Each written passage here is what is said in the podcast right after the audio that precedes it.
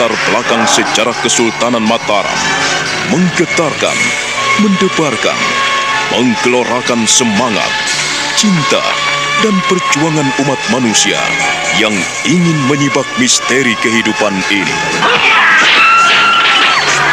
Cerita ini ditulis dan diolah oleh Bu Nergis Muriono, pengarah cerita dan naskah Agung Bahrodi, ilustrasi musik Hari Sabar, teknik dan montase Jamie Mumu, dengan sutradara Ferry Fadli.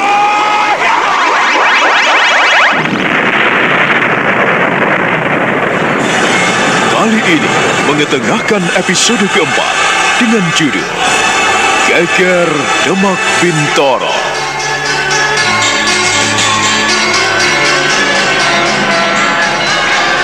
Seluruh wilayah Demak Bintoro dilanda peperangan yang maha hebat dan dahsyat. Bala tentara Demak Bintoro sungguh luar biasa menghadapi prajurit-prajurit Mataram yang tidak mengenal lelah terus menyerbu dan menyerang. Keadaan kacau balau itu digunakan oleh para tawanan, yaitu orang-orang Belanda anak buah Jacob van Heemsker, Adrian van Boyset, dan kawan-kawannya merampas sebuah kapal kecil, yaitu sebuah perahu dayung milik nelayan. Mereka segera melarikan diri dari Demak Bintoro. Ayo Batua, cepat kayulah seperti ini, ha? Kau harus cepat-cepat mengayunya. Ah, kita tidak boleh lama-lama di sini. Benar, Petua. Ayo, cepatlah. Kayu sampah ini. Hei, kamu orang jam bego. Jangan gugup. Kami tidak akan mencelaka kamu. Kami akan menjamin keselamatanmu. Ayo. Uh, Tuan, kita ini mau ke mana? Kita harus meninggalkan Demak Binto yang kacau ini, ha? Kalau bisa, kita harus ke Semarang atau ke Banten sekalian. Ayo, cepatlah, ayo, ayo. ayo. Cepatlah, ayo, Pak Tua, ayo.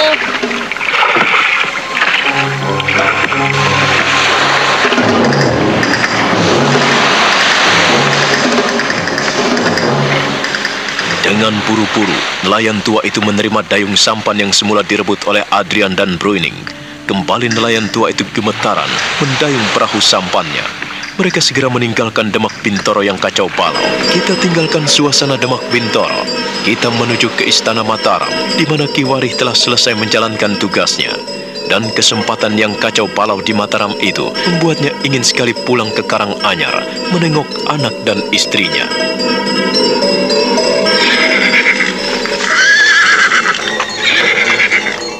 Ronto, aku akan ke Karanganyar dan aku akan segera kembali. Kiwari, aku tidak bisa menemanimu. Kau tidak usah bingung. Kalau Kanjeng Sultan menanyakan aku, katakanlah aku menengok anak dan istriku. Lagi pula kita tidak bisa bekerja dalam suasana kacau seperti ini. Mataram dilanda ketegangan perang saudara. Ki, Kau tidak perlu khawatir, Ronto. Aku bisa menjaga diri. Percayalah padaku. Kiwari, kalau kau tidak keberatan, biarlah akar memangmu kupinjam. Kau akan memakai akar mimang? Ya, Untuk apa, Ronto? Toh kau tidak turun ke medan peperangan. Kau jangan bodoh. Tidak. Maaf. Aku tidak bisa meminjamkan akar mimang ini kepadamu. Ya, tidak bisa. Sebab aku pun memerlukannya. Kiwari, bolehkah aku mendapatkan akar memang itu? Dari mana kau mendapatkannya? Biarlah aku mencarinya, sekalipun itu di tengah hutan kerapiak. Aku akan mengambilnya supaya aku bisa menjaga diri seperti kau. Ronto, kukatakan kepadamu, tidak sembarang orang bisa membawa akar mimang dan tidak semua orang bisa cocok membawanya. Jangan-jangan akan membuat celaka dirinya sendiri. Percayalah kepadaku. Kalau kau menjaga pesanggeran ini dengan baik, kau tidak akan celaka. Kanjeng Sinuwun telah menjaga Mataram dengan sebaik-baiknya. Kau harus tahu, seluruh keluarga raja telah dikerahkan untuk membendung serangan Demak Bintoro yang dahsyat. Dan kalau Mataram kalah, Itu jelas tidak mungkin. Sekalipun memakan waktu lama, Mataram tidak akan mungkin kalah dengan Demak Bintoro. Itu tidak akan terjadi, Ronto. Oh, aku tidak banyak waktu lagi. Aku akan pergi ke Karanganyar. Aku juga sudah cukup lama tak bertemu dengan anak istriku. Selamat tinggal, Ronto. hati-hati Ki.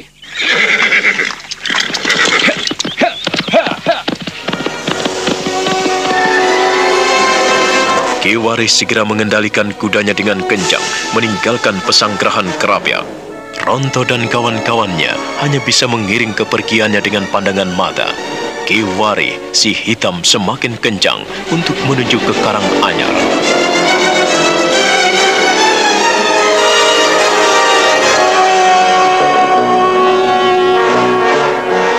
Sementara itu, Sukmo putranya masih ada di medan peperangan dalam asuhan Kitayu.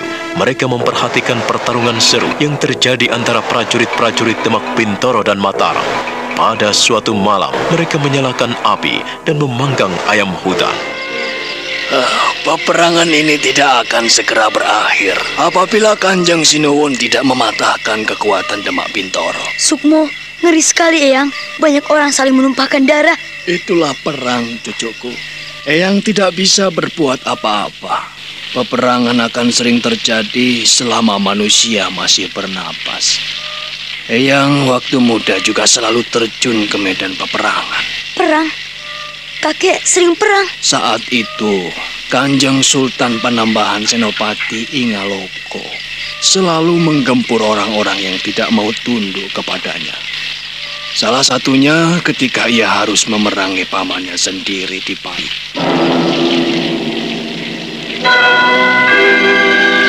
Hancurkan semua pemberontak! Hancurkan!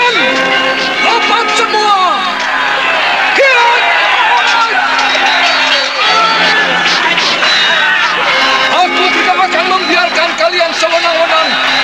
Baiklah, kalau kalian tidak mampu menggunakan senjata tajam, keris, tombak, dan pedang, aku pun akan menggunakan senjata ini.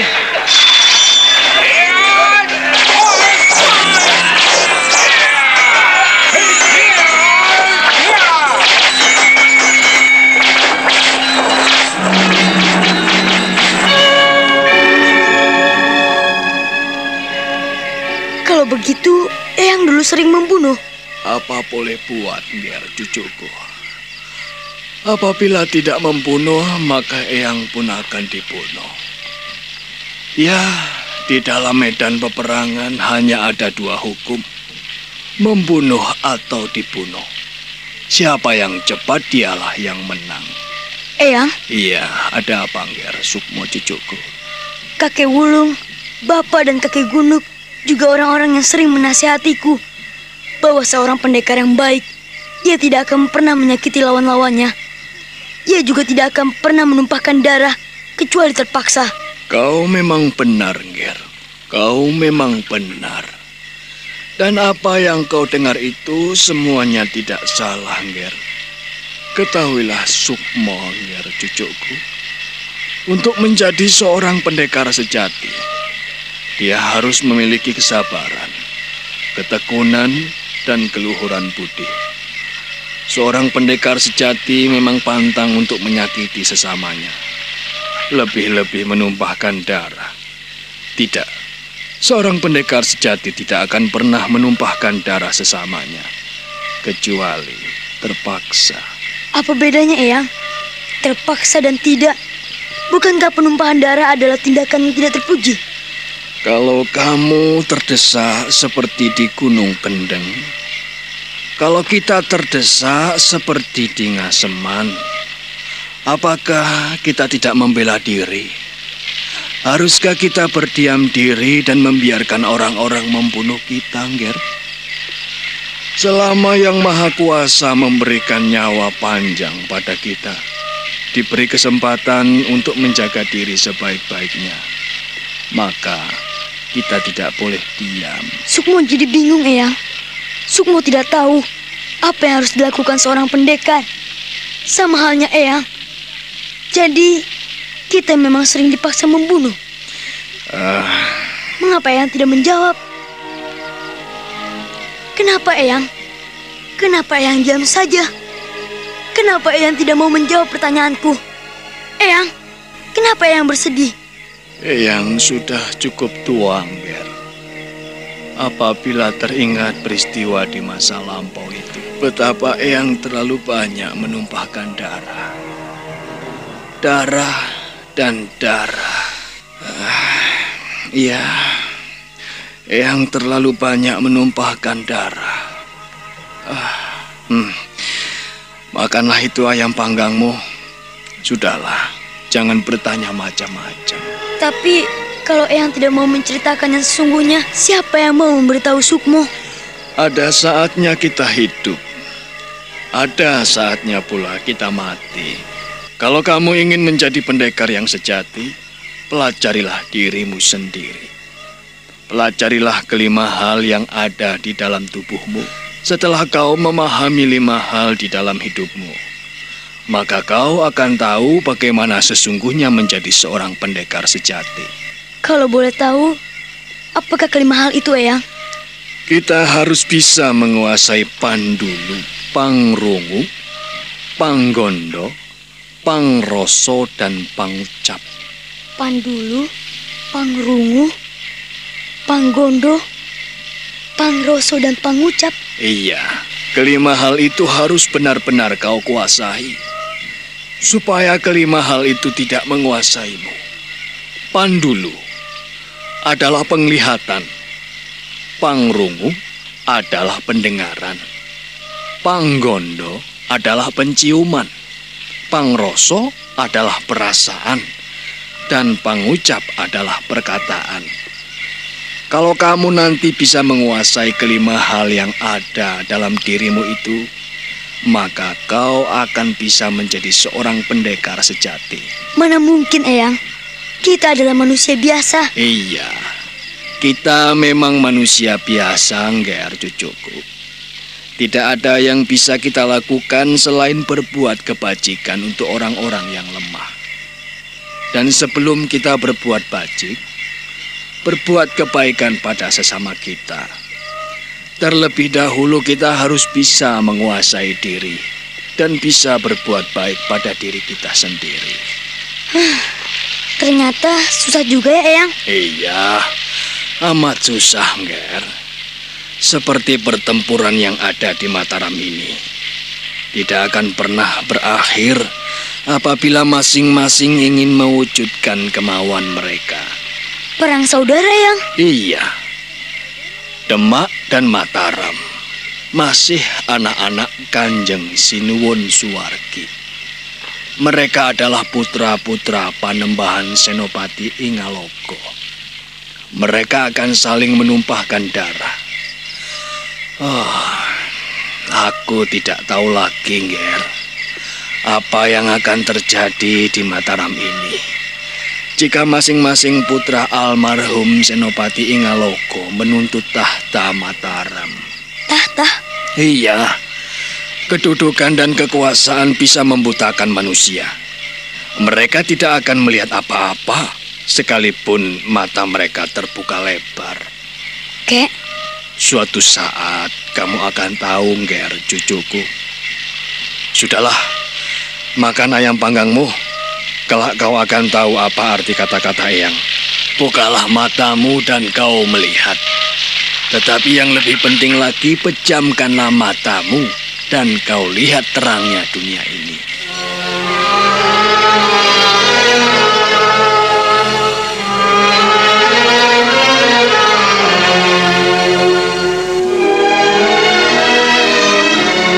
Haji Sukmo dan Kitayu malam itu menikmati ayam panggang yang mereka bakar di bawah pohon besar. Mereka berlindung di antara akar-akar pohon beringin besar. Suasana menjadi hening dan sunyi karena masing-masing bersembunyi dan mencari perlindungan akibat peperangan antara pasukan Demak dan Mataram yang belum berhenti.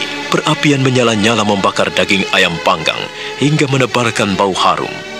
Sukmo tersenyum seraya membalik ayam panggangnya. Ia melihat Kitayu penuh dengan arti. Setiap orang pasti memiliki hal itu, Ngger. Seperti halnya kamu menikmati daging ayam panggang itu. Bukankah kau rasakan sesuatu?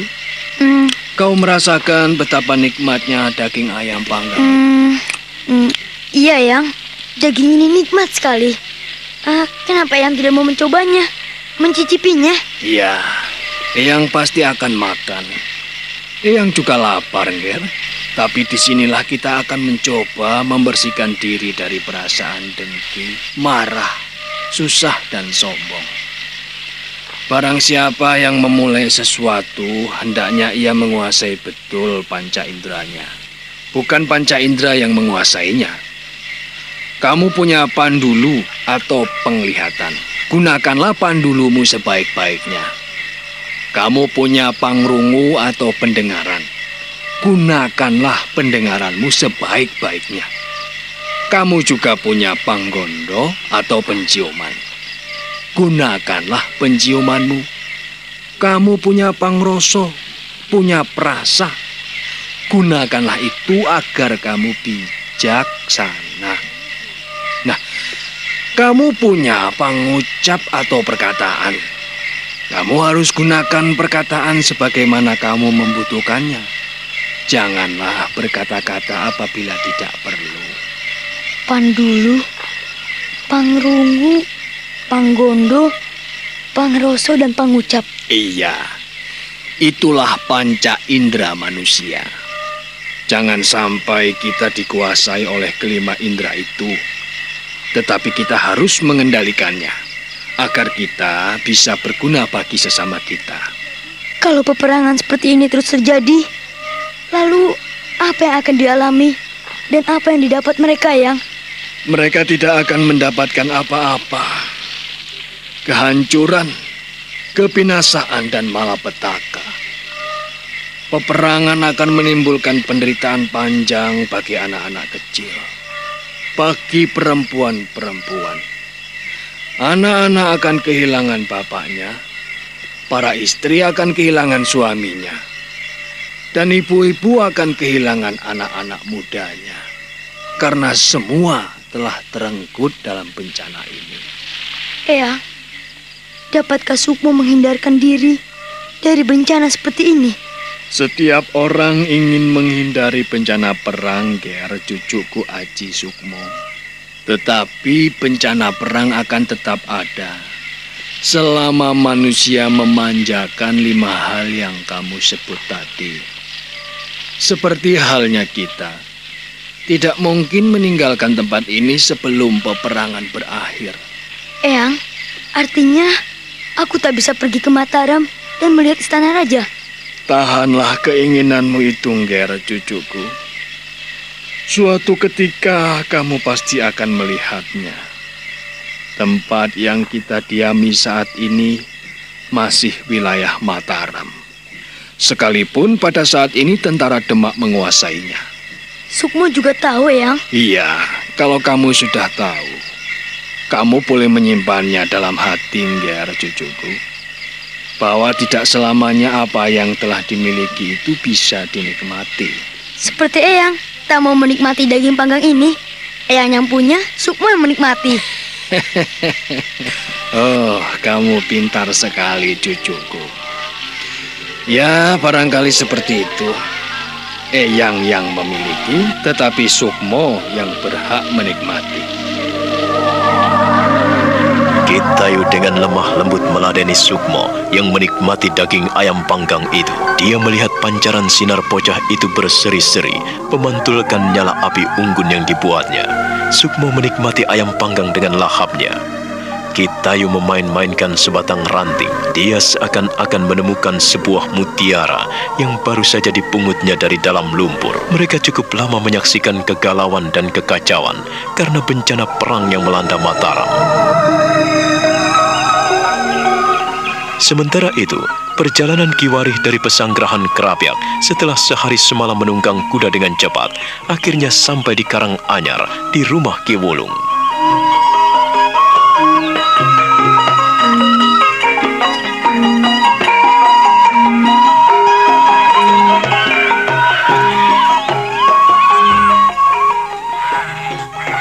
Istrimu kebetulan tidak ada di rumah. Tadi pagi ia pergi ke rumah orang tuanya. Tetapi ia berjanji nanti sore ia akan kembali. Apakah ia sering pulang, Kek? Ya, tidak sering, Ger. Tapi kadang-kadang kalau kangen sama simboknya, ya wajar toh kalau pulang. Lalu Sukmo di mana, Kek? Oh lah, Ger, Ger. Ada apa, Kek? Ada apa dengan Sukmo? Maafkan bapakmu, Tongger. Aku memang tidak bisa ngomong Sukmo. Oh, maafkan aku, Ger. Maafkan Simbo. Ya, bapak dan ibumu juga tidak bisa ngomong Sukmo. Sekarang ia ada di mana, Kek? Ya, kakek tidak tahu. Aku tidak tahu ke mana Sukmo pergi. Sudah lama, Ger. Sudah lama anakmu meninggalkan gubukmu. Ia dulu pamitan padaku, pada nenek dan pada kawan-kawannya. Sukmo pergi ke Mataram, Ger.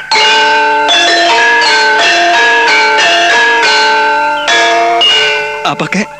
Sukmo pergi ke Mataram? Iya, ia pamit pergi ke Mataram. Kapan dia pergi ke Mataram, kek? Apakah ia sudah lama perginya? Ya itulah yang membuatku sedih. Kami sudah lama memikirkannya. Kami lama sekali merindukannya. Siang dan malam kami selalu mengharapkan kedatangannya. Oh, kalau tidak dalam keadaan gawat seperti ini, tidak apa-apa, kek. Tapi Mataram dalam keadaan perang. Ya itulah yang mencemaskan ibunya yang mencemaskan nenek dan kakeknya. Kau pikir kami tidak sedih memikirkannya, Pak Ware? Hah? Apa yang diinginkannya? Mataram dalam keadaan perang seperti ini. Mengapa ia pergi ke sana? Mengapa kakek tidak menahannya? Ware, Ware, Ware. Sokmo bukanlah Ware. Kalau Sokmo adalah dirimu, barangkali aku bisa menahannya. Tetapi Sokmo adalah Aji Sokmo. Aji Sokmo anakmu, cucuku. Mana mungkin bisa kutahan? Dia lain dari yang lain, Ger. Aku tidak tahu bagaimana menahannya. Aku tidak tahu bagaimana menanggulanginya. Ia memiliki keanehan. Ia menyimpan selaksa keganjilan. Sejak dikandung istrimu, bukankah ia menunjukkan gejala-gejala yang aneh?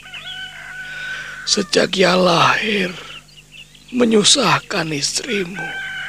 Dengan taruhan nyawa ia menyambut alam raya ini. Dan sekarang, kalau dia menjadi bocah seperti itu, bagiku Mungkin wajar, Ger. Tapi seharusnya kakek menahannya agar ia tidak pergi ke Mataram. Mataram dalam keadaan genting. Mataram dalam keadaan gawat, kek. Ger, Ger. Sok mau pergi sebelum pecah perang.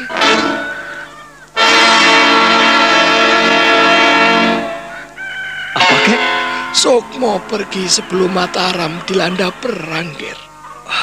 Artinya, lama sekali ia meninggalkan kakek dan nenek. Apakah sejak ibunya datang kemari dan saya kemari, ia belum juga pulang, kek? Iya, iya, iya.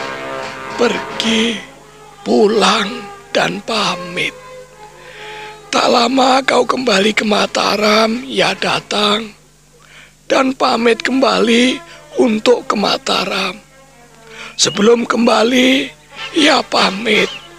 Dan kembali minta izin pergi ke Mataram, Ger.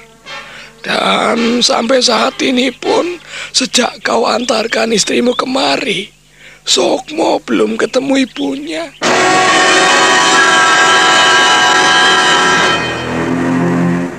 Untuk kesekian kalinya, Kiwari hanya bisa terbengong. Dia menggeleng-gelengkan kepala, lalu mendenguskan napasnya. Dia tidak mengerti apa yang akan terjadi pada diri putranya.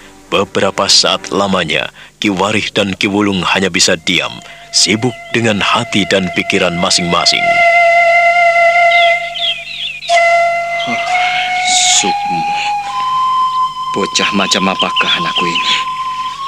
Apa yang kau inginkan anakku? Dia ingin menjadi pendekar pilih tanding.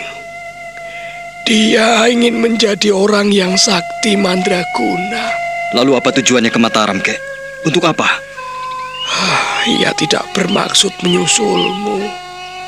Ia hanya ingin melihat keraton Mataram. Apakah kau benar-benar tidak berjumpa dengannya, Nger? Aku selalu di Kerapiak, Keh. Aku masih membenahi pesanggeran Kerapiak. Baru beberapa saat aku kembali ke istana untuk membuat kolam buaya. Tapi beberapa hari setelah kutata, terjadilah pemberontakan Kanjeng Pangeran Puger Kajuron. Oh, cucuku dalam bahaya, Nger. Kita tidak bisa tinggal diam, Keh. Kita harus mencarinya. Aku telah berusaha mencarinya. Tetapi tidak juga mendapatkannya, Nger. Sukmo. Kau menyusahkan banyak orang.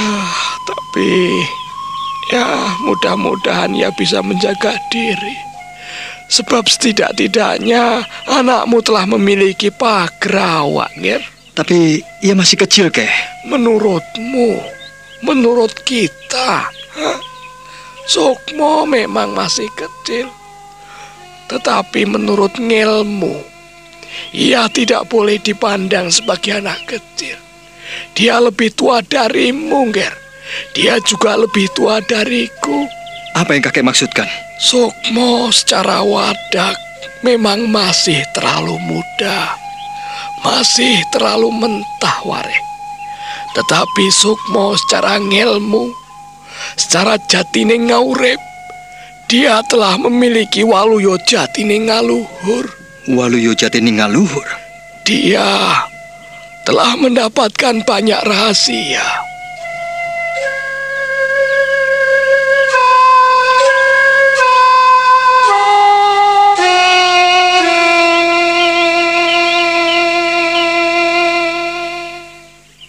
Kiwarih memandang ayahnya seperti tidak percaya mendengar apa yang baru saja diucapkan Ki Wulung. Dia melangkah beberapa tindak, lalu kembali menatap ayahnya. Tatap matanya sendu dan dilanda duka yang amat dalam.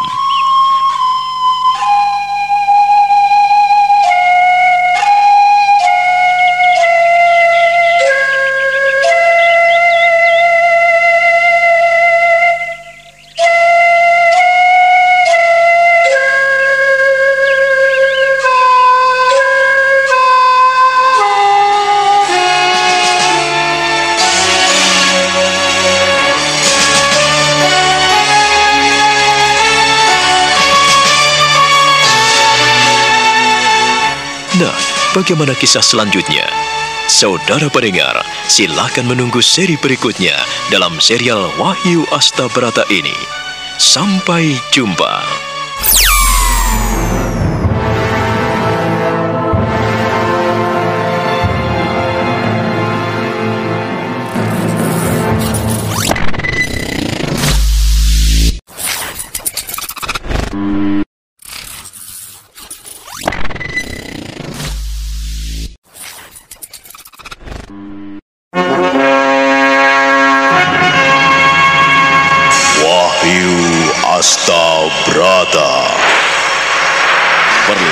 Belakang sejarah Kesultanan Mataram Menggetarkan, mendebarkan Menggelorakan semangat, cinta, dan perjuangan umat manusia Yang ingin menyibak misteri kehidupan ini. Cerita ini ditulis dan diolah oleh Bu Nergis Muriono Pengarah cerita dan naskah Agung Bahrodi Ilustrasi musik Hari Sabar Teknik dan montase Jamie Mumu Dengan sutradara Ferry Fadli.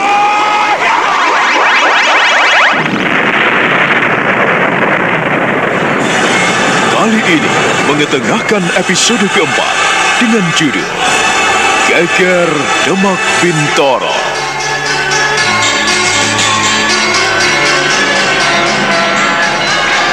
Seluruh wilayah Demak Bintoro dilanda peperangan yang maha hebat dan dahsyat. Bala tentara Demak Bintoro sungguh luar biasa menghadapi prajurit-prajurit Mataram yang tidak mengenal lelah terus menyerbu dan menyerang.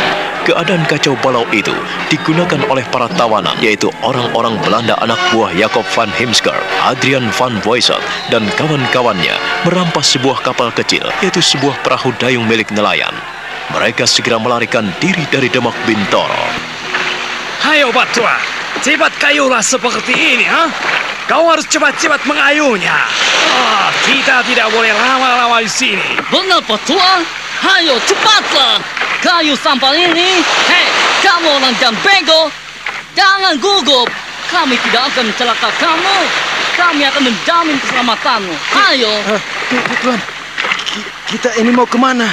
Kita harus meninggalkan Demak Binto yang kacau ini, ha? Kalau bisa, kita harus ke Semarang atau ke Banten sekalian. Ayo, cepatlah, ayo, ayo. Ayo cepatlah. Ayo. Ayo.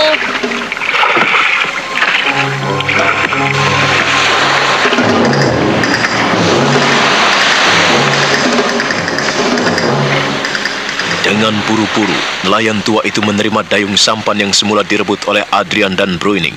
Kembali nelayan tua itu gemetaran, mendayung perahu sampannya.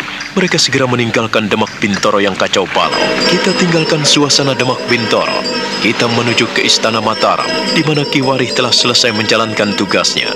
Dan kesempatan yang kacau balau di Mataram itu membuatnya ingin sekali pulang ke Karanganyar, menengok anak dan istrinya.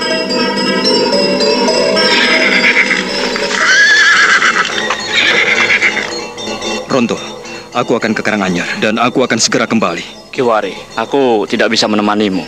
Kau tidak usah bingung. Kalau Kanjeng Sultan menanyakan aku, katakanlah aku menengok anak dan istriku. Lagi pula kita tidak bisa bekerja dalam suasana kacau seperti ini. Mataram dilanda ketegangan perang saudara. Ki, Kau tidak perlu khawatir, Ronto. Aku bisa menjaga diri. Percayalah padaku. Kiwari, kalau kau tidak keberatan, biarlah akar memangmu kupinjam. Kau akan memakai akar mimang? Ya, Untuk apa, Ronto? Toh kau tidak turun ke medan peperangan. Kau jangan bodoh. Tidak. Maaf. Aku tidak bisa meminjamkan akar mimang ini kepadamu. Ya, tidak bisa. Sebab aku pun memerlukannya. Kiwari, bolehkah aku mendapatkan akar memang itu? Dari mana kau mendapatkannya? Biarlah aku mencarinya, sekalipun itu di tengah hutan kerapiak. Aku akan mengambilnya supaya aku bisa menjaga diri seperti kau. Ronto, kukatakan kepadamu, tidak sembarang orang bisa membawa akar mimang dan tidak semua orang bisa cocok membawanya. Jangan-jangan akan membawa celaka dirinya sendiri. Percayalah kepadaku. Kalau kau menjaga pesanggeran ini dengan baik, kau tidak akan celaka. Kanjeng Sinuwun telah menjaga Mataram dengan sebaik-baiknya. Kau harus tahu, seluruh keluarga raja telah dikerahkan untuk membendung serangan Demak Bintoro yang dahsyat. Dan kalau Mataram kalah, Itu jelas tidak mungkin. Sekalipun memakan waktu lama, Mataram tidak akan mungkin kalah dengan Demak Bintoro. Itu tidak akan terjadi, Ronto. Oh, aku tidak banyak waktu lagi. Aku akan pergi ke Karanganyar. Aku juga sudah cukup lama tak bertemu dengan anak istriku. Selamat tinggal, Ronto. hati-hati Ki.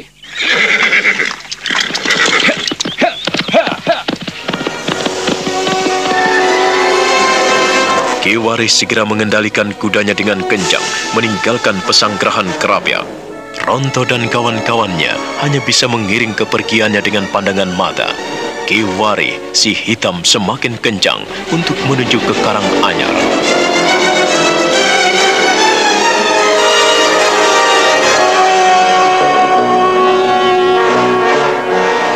Sementara itu, Sukmo putranya masih ada di medan peperangan dalam asuhan Kitayu. Mereka memperhatikan pertarungan seru yang terjadi antara prajurit-prajurit Demak Bintoro dan Mataram. Pada suatu malam, mereka menyalakan api dan memanggang ayam hutan. Ah, peperangan ini tidak akan segera berakhir apabila Kanjeng Sinuwun tidak mematahkan kekuatan Demak Bintoro. Sukmo, ngeri sekali Eyang. Banyak orang saling menumpahkan darah. Itulah perang, cucuku. Eyang tidak bisa berbuat apa-apa. Peperangan akan sering terjadi selama manusia masih bernapas. Eyang waktu muda juga selalu terjun ke medan peperangan. Perang. Kakek sering perang. Saat itu, Kanjeng Sultan Penambahan Senopati Ingaloko selalu menggempur orang-orang yang tidak mau tunduk kepadanya. Salah satunya ketika ia harus memerangi pamannya sendiri di Pahit.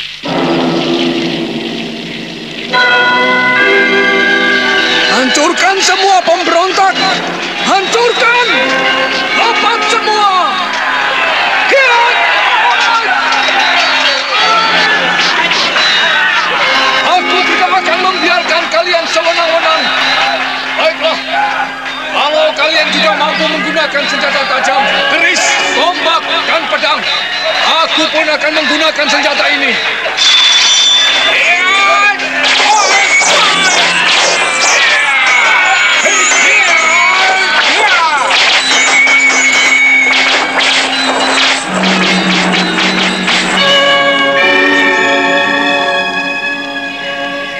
Kalau begitu, Eyang dulu sering membunuh. Apa boleh buat, biar cucuku. Apabila tidak membunuh, maka Eyang pun akan dibunuh. Ya, di dalam medan peperangan hanya ada dua hukum. Membunuh atau dibunuh. Siapa yang cepat dialah yang menang. Eyang, Iya, ada apa, Nger? Sukmo cucuku. kakek Wulung, bapak dan kakek Gunuk juga orang-orang yang sering menasihatiku bahwa seorang pendekar yang baik, ia tidak akan pernah menyakiti lawan-lawannya. Ia juga tidak akan pernah menumpahkan darah kecuali terpaksa. Kau memang benar, Nger. Kau memang benar. Dan apa yang kau dengar itu semuanya tidak salah, Nger. Ketahuilah Sukmo, Nger, cucuku. Untuk menjadi seorang pendekar sejati, dia harus memiliki kesabaran, ketekunan, dan keluhuran budi. Seorang pendekar sejati memang pantang untuk menyakiti sesamanya. Lebih-lebih menumpahkan darah. Tidak.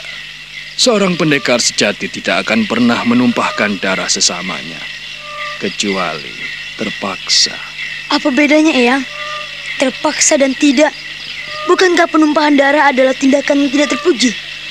Kalau kamu terdesak seperti di Gunung Kendeng, kalau kita terdesak seperti di Ngaseman, apakah kita tidak membela diri? Haruskah kita berdiam diri dan membiarkan orang-orang membunuh kita, Ger?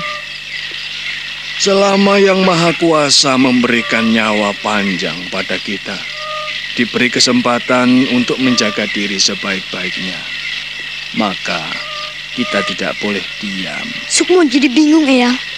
Sukmo tidak tahu apa yang harus dilakukan seorang pendekar. Sama halnya Eyang. Jadi, kita memang sering dipaksa membunuh. Ah, Mengapa Eyang tidak menjawab? Kenapa Eyang? Kenapa Eyang diam saja? Kenapa Eyang tidak mau menjawab pertanyaanku?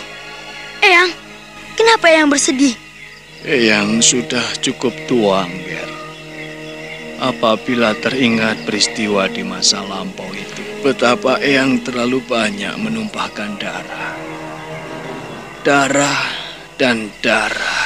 Ah, Iya, Eyang terlalu banyak menumpahkan darah. Ah, hmm.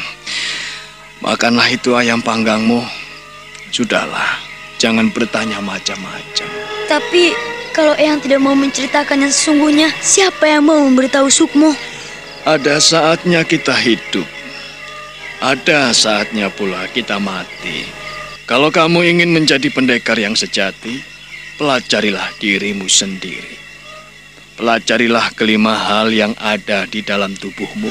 Setelah kau memahami lima hal di dalam hidupmu, maka kau akan tahu bagaimana sesungguhnya menjadi seorang pendekar sejati. Kalau boleh tahu, apakah kelima hal itu, Eyang?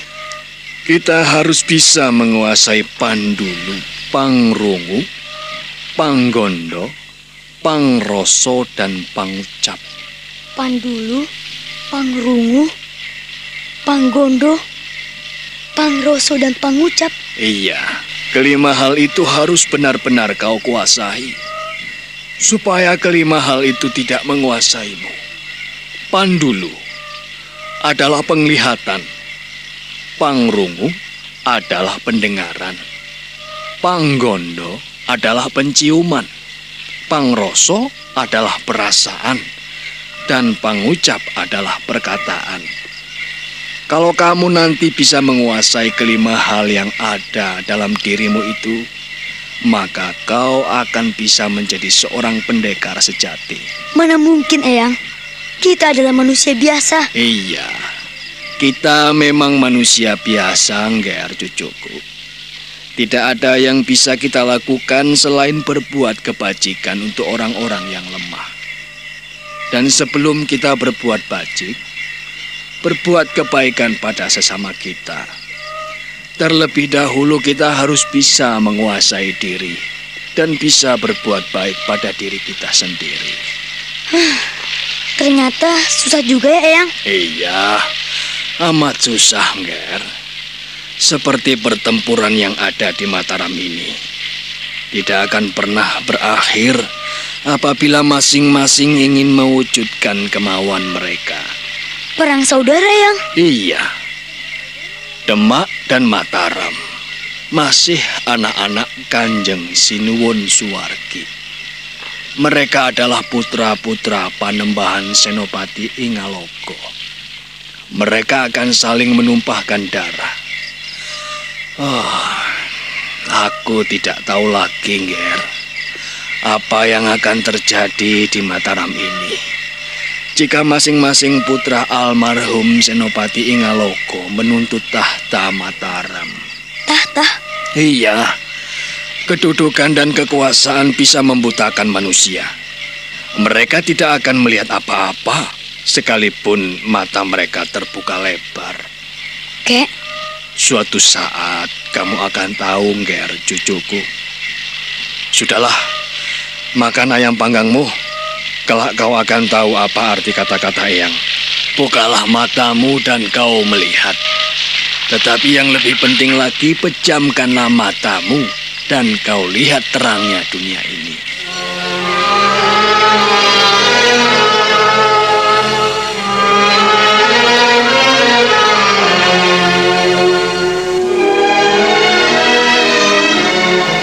Aji Sukmo dan Kitayu malam itu menikmati ayam panggang yang mereka bakar di bawah pohon besar. Mereka berlindung di antara akar-akar pohon beringin besar. Suasana menjadi hening dan sunyi karena masing-masing bersembunyi dan mencari perlindungan akibat peperangan antara pasukan Demak dan Mataram yang belum berhenti. Perapian menyala-nyala membakar daging ayam panggang hingga menebarkan bau harum. Sukmo tersenyum seraya membalik ayam panggangnya. Ia melihat Kitayu penuh dengan arti. Setiap orang pasti memiliki hal itu, Nger. Seperti halnya kamu menikmati daging ayam panggang itu. Bukankah kau rasakan sesuatu? hmm, Kau merasakan betapa nikmatnya daging ayam panggang. hmm, hmm, iya yang, daging ini nikmat sekali. Ah, kenapa yang tidak mau mencobanya, mencicipinya? Iya, Eyang pasti akan makan. Eyang juga lapar, Nger. Tapi di sinilah kita akan mencoba membersihkan diri dari perasaan dengki, marah, susah, dan sombong. Barang siapa yang memulai sesuatu, hendaknya ia menguasai betul panca inderanya. Bukan panca indera yang menguasainya. Kamu punya pandulu atau penglihatan. Gunakanlah pandulumu sebaik-baiknya. Kamu punya pangrungu atau pendengaran. Gunakanlah pendengaranmu sebaik-baiknya. Kamu juga punya panggondo atau penciuman. Gunakanlah penciumanmu. Kamu punya pangroso, punya perasa.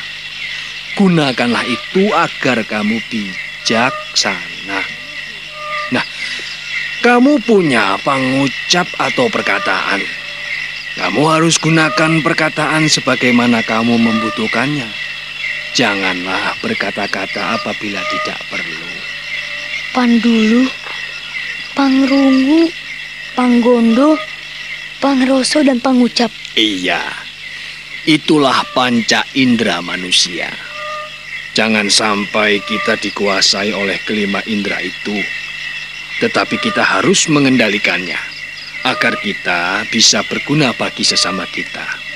Kalau peperangan seperti ini terus terjadi, lalu apa yang akan dialami dan apa yang didapat mereka yang? Mereka tidak akan mendapatkan apa-apa. Kehancuran, kebinasaan, dan malapetaka. Peperangan akan menimbulkan penderitaan panjang bagi anak-anak kecil. Bagi perempuan-perempuan. Anak-anak akan kehilangan bapaknya. Para istri akan kehilangan suaminya. Dan ibu-ibu akan kehilangan anak-anak mudanya. Karena semua telah terenggut dalam bencana ini. Eyang, dapatkah Sukmo menghindarkan diri dari bencana seperti ini? Setiap orang ingin menghindari bencana perang, Ger, cucuku Aji Sukmo. Tetapi bencana perang akan tetap ada. Selama manusia memanjakan lima hal yang kamu sebut tadi. Seperti halnya kita. Tidak mungkin meninggalkan tempat ini sebelum peperangan berakhir. Eyang, artinya aku tak bisa pergi ke Mataram dan melihat istana raja. Tahanlah keinginanmu itu, Ger, cucuku. Suatu ketika kamu pasti akan melihatnya. Tempat yang kita diami saat ini masih wilayah Mataram. Sekalipun pada saat ini tentara Demak menguasainya. Sukmo juga tahu, Eyang. Iya, kalau kamu sudah tahu, kamu boleh menyimpannya dalam hati, Ngger, cucuku. Bahwa tidak selamanya apa yang telah dimiliki itu bisa dinikmati. Seperti Eyang, tak mau menikmati daging panggang ini. Eyang yang punya, Sukmo yang menikmati. Oh, kamu pintar sekali, cucuku. Ya, barangkali seperti itu. Eyang yang memiliki, tetapi Sukmo yang berhak menikmati. Kitayu dengan lemah lembut meladeni Sukmo yang menikmati daging ayam panggang itu. Dia melihat pancaran sinar pocah itu berseri-seri, memantulkan nyala api unggun yang dibuatnya. Sukmo menikmati ayam panggang dengan lahapnya.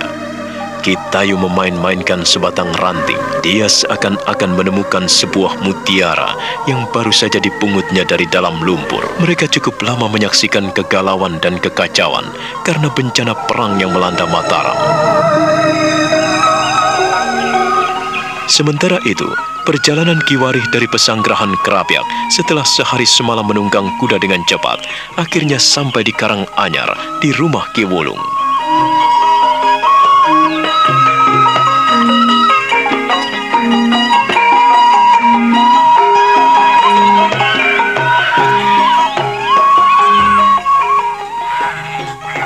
Istrimu kebetulan tidak ada di rumah.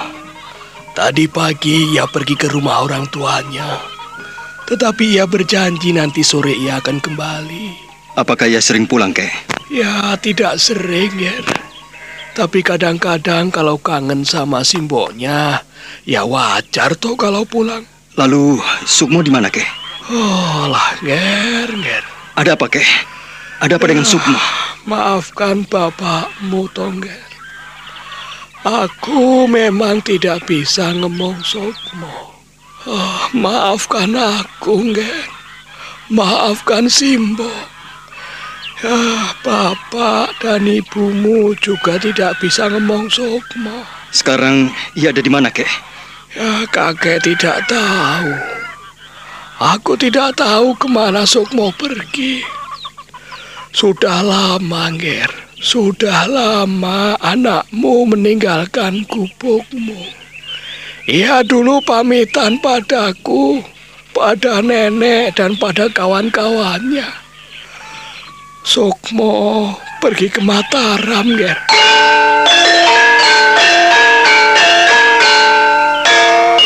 Apa, Kek? Sukmo pergi ke Mataram? Iya, ia pamit pergi ke Mataram. Kapan ia pergi ke Mataram, Kek? Apakah ia sudah lama perginya? Ya, itulah yang membuatku sedih. Kami sudah lama memikirkannya. Kami lama sekali merindukannya. Siang dan malam kami selalu mengharapkan kedatangannya.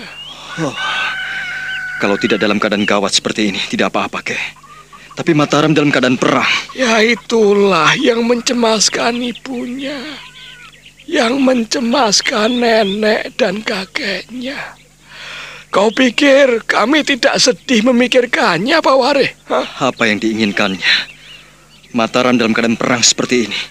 Mengapa ia pergi ke sana? Mengapa kakek tidak menahannya? Ware, ware, ware. Sokmo bukanlah ware. Kalau Sokmo adalah dirimu, barangkali aku bisa menahannya. Tetapi Sokmo adalah Aji Sokmo. Aji Sokmo anakmu, cucuku. Mana mungkin bisa kutahan? Dia lain dari yang lain, Ger. Aku tidak tahu bagaimana menahannya. Aku tidak tahu bagaimana menanggulanginya. Ia memiliki keanehan. Ia menyimpan selaksa keganjilan. Sejak dikandung istrimu, bukankah ia menunjukkan gejala-gejala yang aneh? Sejak ia lahir, menyusahkan istrimu. Dengan taruhan nyawa ia menyambut alam raya ini. dan sekarang. Kalau dia menjadi bocah seperti itu, bagiku mungkin wajar, Ngir. Tapi seharusnya kakek menahannya agar ia tidak pergi ke Mataram. Mataram dalam keadaan genting. Mataram dalam keadaan gawat, kek. Ger, ger. Sok mau pergi sebelum pecah perang.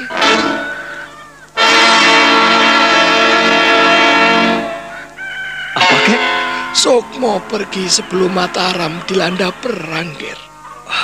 Artinya, lama sekali ia meninggalkan kakek dan nenek. Apakah sejak ibunya datang kemari dan saya kemari, ia belum juga pulang, kek? Iya, iya, iya. Pergi, pulang, dan pamit. Tak lama kau kembali ke Mataram, ia datang. Dan pamit kembali untuk ke Mataram. Sebelum kembali, ia pamit.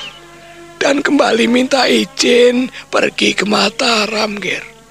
Dan sampai saat ini pun, sejak kau antarkan istrimu kemari, Sokmo belum ketemu ibunya.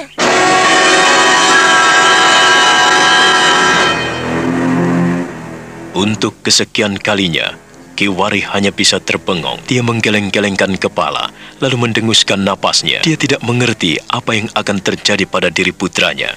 Beberapa saat lamanya, Kiwarih dan Kiwulung hanya bisa diam, sibuk dengan hati dan pikiran masing-masing. Sukmo. Bocah macam apakah anakku ini? Apa yang kau inginkan anakku? Dia ingin menjadi pendekar pilih tanding. Dia ingin menjadi orang yang sakti mandraguna. Lalu apa tujuannya ke Mataram, kek? Untuk apa? Ia tidak bermaksud menyusulmu. Ia hanya ingin melihat keraton Mataram. Apakah kau benar-benar tidak berjumpa dengannya, Nger? Aku selalu di Kerapyak, kek. Aku masih membenahi pesanggeran Kerapyak. Baru beberapa saat aku kembali ke istana untuk membuat kolam buaya. Tapi beberapa hari setelah kutata, terjadilah pemberontakan Kanjeng Pangeran Puger Kajuron. Cucuku dalam bahaya, Nger. Kita tidak bisa tinggal diam, kek. Kita harus mencarinya. Aku telah berusaha mencarinya, tetapi tidak juga mendapatkannya, Nger. Sukmo, kau menyusahkan banyak orang. Tapi ya mudah-mudahan ia bisa menjaga diri. Sebab setidak-tidaknya anakmu telah memiliki pagrawak, Nger. Tapi ia masih kecil, kek. Menurutmu, menurut kita, hah? Sukmo memang masih kecil. Tetapi menurut ngelmu, ia tidak boleh dipandang sebagai anak kecil. Dia lebih tua darimu, Nger. Dia juga lebih tua dariku. Apa yang kakek maksudkan? Sukmo secara wadak memang masih terlalu muda. Masih terlalu mentah ware.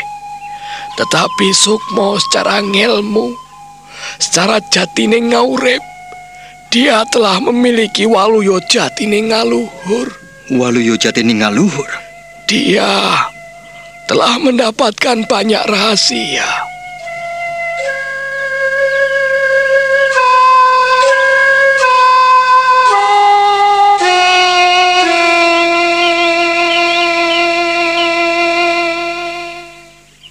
Kiwarih memandang ayahnya seperti tidak percaya mendengar apa yang baru saja diucapkan Kiwulung. Dia melangkah beberapa tindak, lalu kembali menatap ayahnya. Tatap matanya sendu dan dilanda duka yang amat dalam.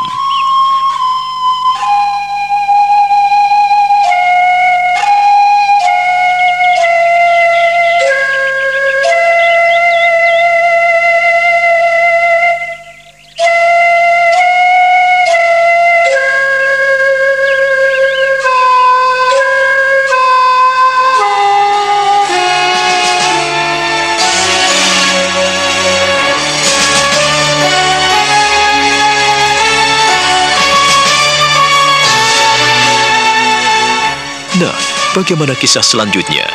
Saudara pendengar, silakan menunggu seri berikutnya dalam serial Wahyu Asta Berata ini. Sampai jumpa.